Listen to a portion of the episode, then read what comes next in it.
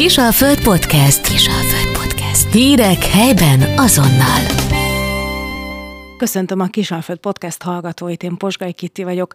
Mai beszélgető társaim pedig dr. Novadovszki Nóra, ügyvéd és mediátor, illetve kollégája, dr. Dínyés Álmos, ügyvezető coach, mediátor. Mindkettejükkel ugyanarról a témáról fogunk most beszélgetni. Ugye Nórával hallhattak egy beszélgetést a vállással kapcsolatos mediációról. Ezt nagyon sokan meghallgatták ezt a beszélgetést, és emiatt is gondoltuk, hogy érdemes folytatni, mert hogy a mediálásnak több ága is van, több ö, részből áll. Nóra, te is több ö, dologgal foglalkozol. Mik is ezek pontosan?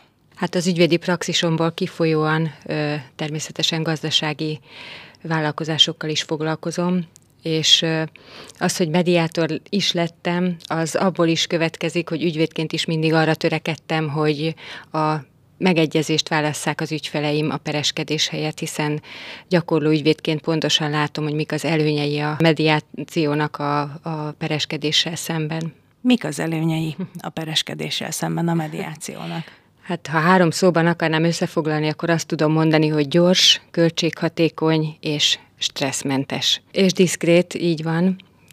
Ez akkor a plusz egyedik előny, és akkor ennél is maradnék, hogy egy bírósági tárgyalás az nyilvános. Tehát elvileg előfordulhatna ugyanúgy, mint az amerikai filmekben, hogy beül egy csomó ember meghallgatni, hogy hogyan is zajlik le a per, és azért egy gazdasági perben elég sok üzleti információ nyilvánosságra kerülhetne ilyen módon. Ezzel szemben a békés közvetítésnél minden a mediátor szobáján belül marad, tehát titoktartási kötelezettsége van a mediátornak, a közvetítőnek, illetve hát nincsen jelen senki olyan, aki illetéktelen lenne. Tehát abszolút megmaradnak azok a bizalmas információk abban a körben, amelyben meg kell maradniuk, így nem sérülnek ezek az érdekek. Ugye ezt legutóbbi beszélgetésünk alkalmával is említetted, hogy neked inkább a vállás az, ami most így a, a főbb a profilodban, hogy foglalkozol gazdasági ügyekkel is, de most ezért jött veled Álmos, Díny és Álmos, aki viszont pontosan, hogy a gazdasági ügyekkel foglalkozik. Köszöntelek téged is itt a stúdióban. Én is üdvözlöm a hallgatókat, szervusztok. No, mit lehet tudni ezekről a gazdasági mediálásokról? Hogyan Sok zajlik ez? Van. van két ügyfél, van közöttük valamilyen probléma? Ö, nagyon sokféle témában jöhetnek. Tehát gazdasági mediáció lehet akár egy szomszédper is. Tehát, hogy felépített egy olyan építményt a házam mellett, ami zajos, hangos, stb. És mielőtt polgári peres eljárást indítanánk, megpróbálkozunk mediációval. Aztán lehet gazdasági mediáció mondjuk munkagyi témákban, amikor valakinek felmondalak, változik a bére, a munkaköre, és nem érdekük mondjuk egyik félnek sem, hogy munkagyi bíróságra menjenek. Ugye Nóra állat elmondottak, azok megint csak igazak, hogy ez diszkrét, csendes, gyors, tehát nincs például ítélkezési szünetünk. Tehát ha valahol nyáron történik egy olyan konfliktus, és van elérhető mediátor, azért vagyunk egy pár ebben az országban, akkor a mediációs eljárás elindulhat, még egy bíróság esetében mondjuk egy ítélkezési szünetet egy-két hónapot azért kiszoktak várni. Aztán milyen ügyek lehetnek még? Céges környezetben előfordulhat mondjuk tárgyalás érdekképviselettel. Ugye egy eltérés a családi mediációhoz, vagy városi mediációhoz képest, hogy két jogi személyiség is mediálható. Ilyenkor természetesen a jogi képviselőik, illetve a vezetőiknek a jelenléte a szükséges. Ezt a jogszabály nagyon szépen szabályozza, hogy mikor kinek kell ott lennie, egyébként pedig a felek közös megállapodásával a mediátor behívhat akár szakértőket, tehát hasonló, mint egy pernél igazságügyi szakértőt fel lehet kérni. Itt ö, annyi kitétel, hogy mind a két fél értsen bele egyet, a költségeket közösen viselik megosztva a felesbe, és be lehet hívni bármilyen szakértőt. Igazából itt sincs érdeksérelem vagy különbség a bírósághoz képest. Visszatérve, hogy érdekképviseleteket említettem, tehát hogyha van egy szakszervezet például, és bértárgyalásokat folytat egy cégnél, és elakadtak, akkor mediátort be lehet hívni. Ugye a mediációs eljárásoknak a lényeg, hogy megállapodás jön létre. Lehetőleg egy aláírt és végrehajtható megállapodás. Ugye ügyvédek, közjegyzők, bírók ebben tudnak segíteni, hogyha bíróságról indult ki a folyamat, akkor a bíró tudja szentesíteni a megállapodást. Ha elindult bíróságon kívül ez a folyamat, akkor vagy a mediátornak van egy megfelelő végzettség és aláírhatja a papírokat, vagy pedig mennek közjegyzőhöz. Mert hogy oda-vissza járható az út? Tehát a, bíróságról kimehet mediálásra, és mediálásról visszamehet a bíróságra egy ügy? Igen, ez így van. A jogszabály lehetővé teszi, hogy a peres eljárás bármely szakaszában a felek megállapodhatnak egymással, és ennek egy olyan előnye is van, hogy ilyenkor illetékkedvezményben részesülnek, ami nagyon nagy költségtételt is jelenthet, hiszen és itt vissza is kanyarodnék a mediáció előnyeire, hogy olcsó. Tehát a a mediációban a mediátor munkadíját kell kifizetni, illetve esetleg olyan járulékos költségeket, amelyek a, a megállapodásnak valamilyen valóban jogilag megfelelő megszövegezésével járnak együtt, vagy elhelyezésével. A peres eljárás során azonban egy elég jelentős költségtétel van, mondjuk csak egy 10 milliós követelés érvényesítése az akár másfél-két millió forintba is kerülhet, ha, ha az bírósági eljárás keretében ö, kerül érvényesítésre, ugyanis van egy 6%-os illeték, az ügyvédek munkadíjai, szakértő, igazságügyi szakértők munkadíjai, tanúk költségtérítése, tehát hihetetlen magas költségekkel jár, és ez még csak az első fok, a másodfokon ez akár meg is duplázódhat, és mivel egy bírósági elmarasztalás esetén, különösen ha a per során elmérgesedik a viszony a felek között, akkor az önkéntes teljesítése a pervesztes félnek nem biztos, hogy annyira motivált lesz, tehát akkor még a végrehajtást is meg kell indítani, aminek szintén mm, tetemes költségei vannak, és az is lehet, hogy mire a végrehajtóhoz jut a dolog, addigra már eltűnik az a vagyon, amiből egyáltalán megtérülhetne a követelés, tehát semmiképp sem javaslom, meg nem is szoktam javasolni a, az ügyfeleimnek, hogy, hogy a perrel kezdjék, hanem mindenképpen próbáljanak meg megegyezni. A bíróság is javasol mediálást? Szokták szorgalmazni, bontóperben mindenféleképpen, de ugye erről már beszéltünk a múltkor, de gazdasági perekben is fel is kell hívni a feleket általában a, a megegyezésre, aztán ez vagy sikerül, vagy nem. Egyébként a bíróságon belül is működik egy közvetítői szolgáltatás. A tapasztalatok szerint ez nem szokott annyira hatékony lenni, mert azért a, ahhoz, hogy egy mediáció sikeres legyen, ahhoz mindenképpen kell mind a két félnek a szándéka, és tehát ez egy önkéntes dolog, egy önkéntes vállalás, hogy megkísérlik az egyesség létrehozását. Azért, amikor a bíró küldi el őket egy ilyen egyeztetés a bíróságon belül az nem feltétlenül szokott sikeres lenni. Nóra az előbb az alapokat lefektette a válaszhoz, tehát önkéntes a mediátori eljárás, mediációs eljárás, ez annyit jelent, hogy mind a két félnek bele kell egyezni abba, hogy végigcsinálják ezt a procedúrát, a végén egy megalapodást fognak aláírni, amit valamilyen módon szentesítve kötelezőnek ér, ismernek el magukra. Az egyik fél úgy dönt, hogy ő nem akar részt venni ebben a folyamatban, mert meggondolta magát, kapott valami új információt, és innentől kilép abból, hogy már nem önkéntesen nem tud benne lenni, akkor azt mondja, hogy mediációs eljárásból kilépek. Ilyenkor a folyamat megáll, viszont a másik fél döntett úgy, hogy jó, mivel önként nem lépett be a mediációs eljárásba, nem keresett önként megoldást, ezért a bíróságot kéri fel, hogy hívja be. Ott viszont kötelező neki belépnie. Ilyenkor mi történik? A, a mediálás addigi eredményeit, dokumentációját ilyenkor megkapja a bíróság? Mediátor semmit nem adhat ki. A két fél dönthet úgy, hogy az általuk készített jegyzetek bármely egyebet kiviszik. Természetesen az is megtörténhet, hogy a két fél köt egy szerződést egymással, hogy a mediációs eljárás alatt elhangzott információkat egyik sem hozhatja nyilvánosságra.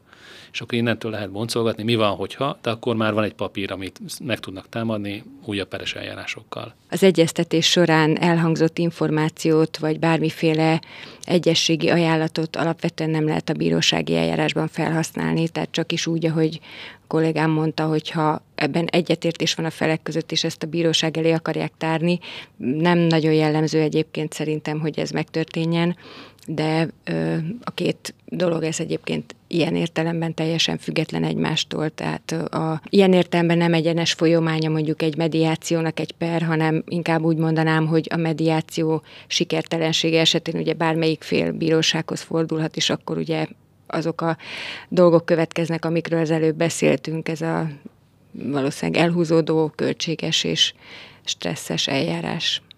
Nézzünk akkor mondjuk példának egy munkaügyi párt.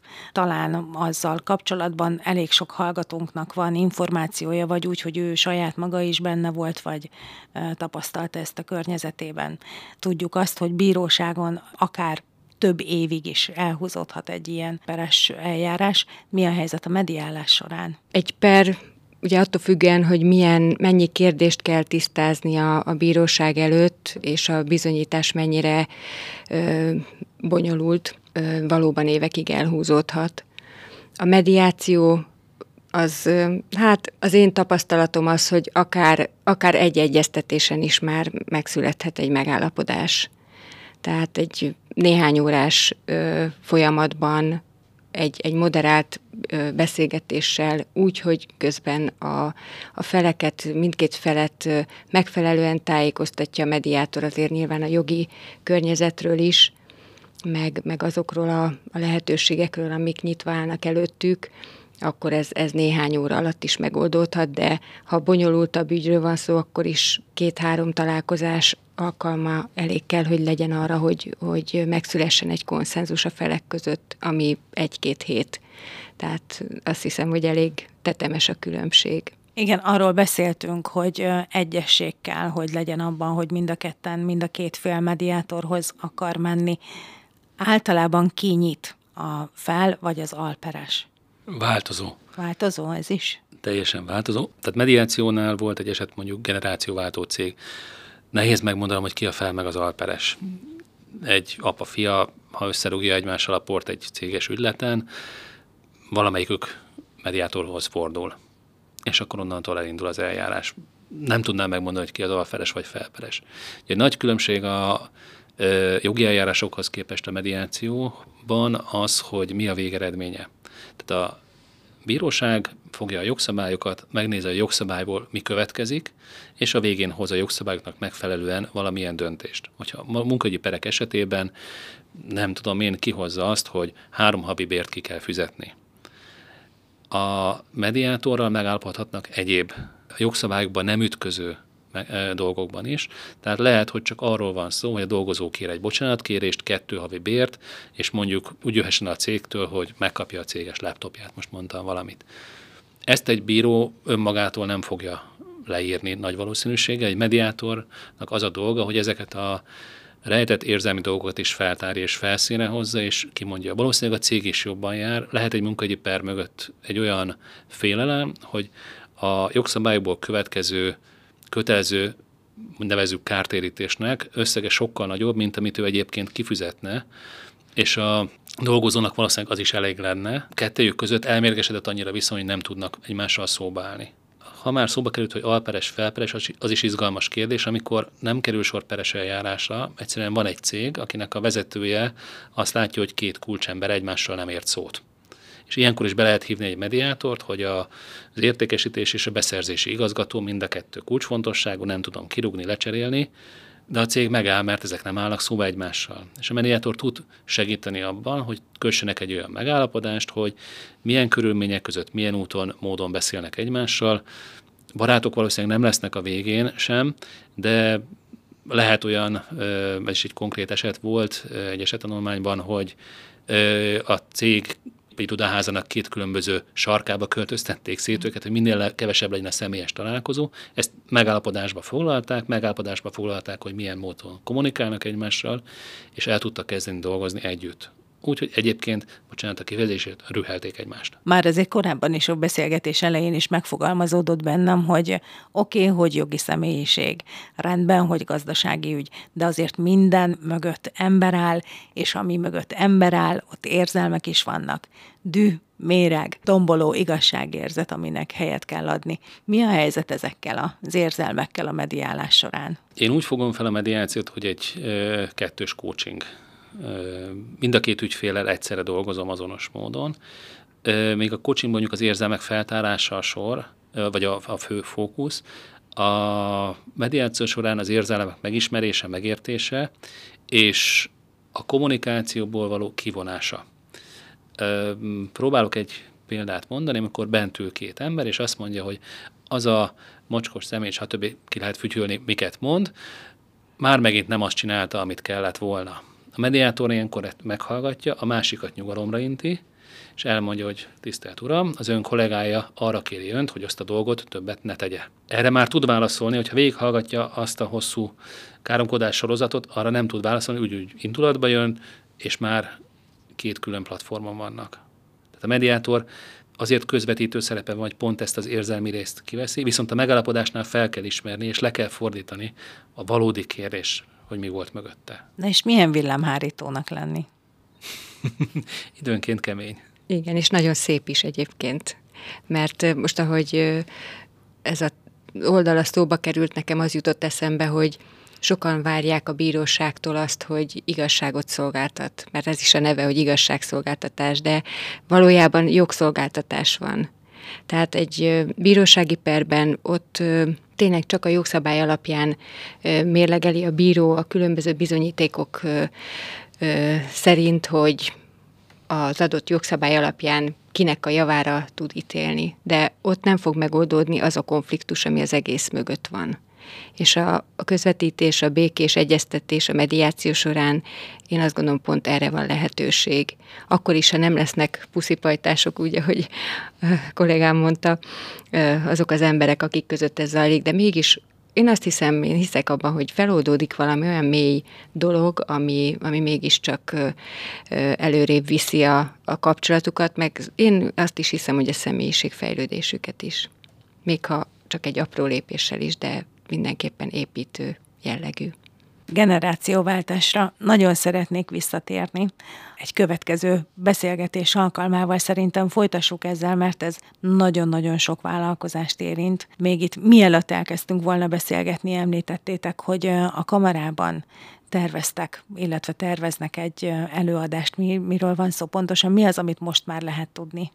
Június vége előtt tervezzük. A, elsősorban cégek számára, mint egy új konfliktuskezelési lehetőséget bemutatni, hogy a gazdasági mediáció rendelkezésre áll. A Budapesten ennek jóval nagyobb hagyománya van, sok mindenbe előre járnak, hogy tetszik divat, tehát ott a Budapesti Kereskedelmi és Iparkamarának van kamarai, mediációs kamara kvázi egy tagozata szolgáltatásként nyújtják. Hasonlóképpen, mint mondjuk egy békéltető testület, csak más jogosítványokkal, más célra rendelkezik. Ugye még egy békéltető testület a fogyasztóvédelmi ügyekre fókuszál, és ajánlásokat fogalmaz meg. A mediátorok mögött azért van egy olyan jogszabályi lehetőség, hogy minden, amit leírunk, az szentesíthető közjegyző ügyvédbíró által, és onnantól egy végrehajtható dokumentum lesz, nem csak egy ajánlás. Tehát ilyen szempontból erősebb és lehet vele élni. Tényleg számos olyan terület van. Ha már a generációváltás szóba került, tervezünk ott is egy előadást egyébként ennek a, a workshopnak rendezvénynek, konferenciának a keretében, hogy mi minden fordul elő. Hiszen ott az egyik cél az az, hogy a cég túlélje, működjön, a másik az, hogy ö, a vasárnál PV-nél a húsleves meg a rántott hús nyugodt körülmények között tudják elfogyasztani egymással. Vendégeimnek köszönöm szépen, hogy elfogadták a meghívásunkat, hallgatóinknak pedig a figyelmet. Köszönjük szépen, viszont hallásra! Köszönjük, Köszönjük szépen. viszont hallásra! Viszont hallásra. Kisalföld Podcast. Hírek helyben azonnal.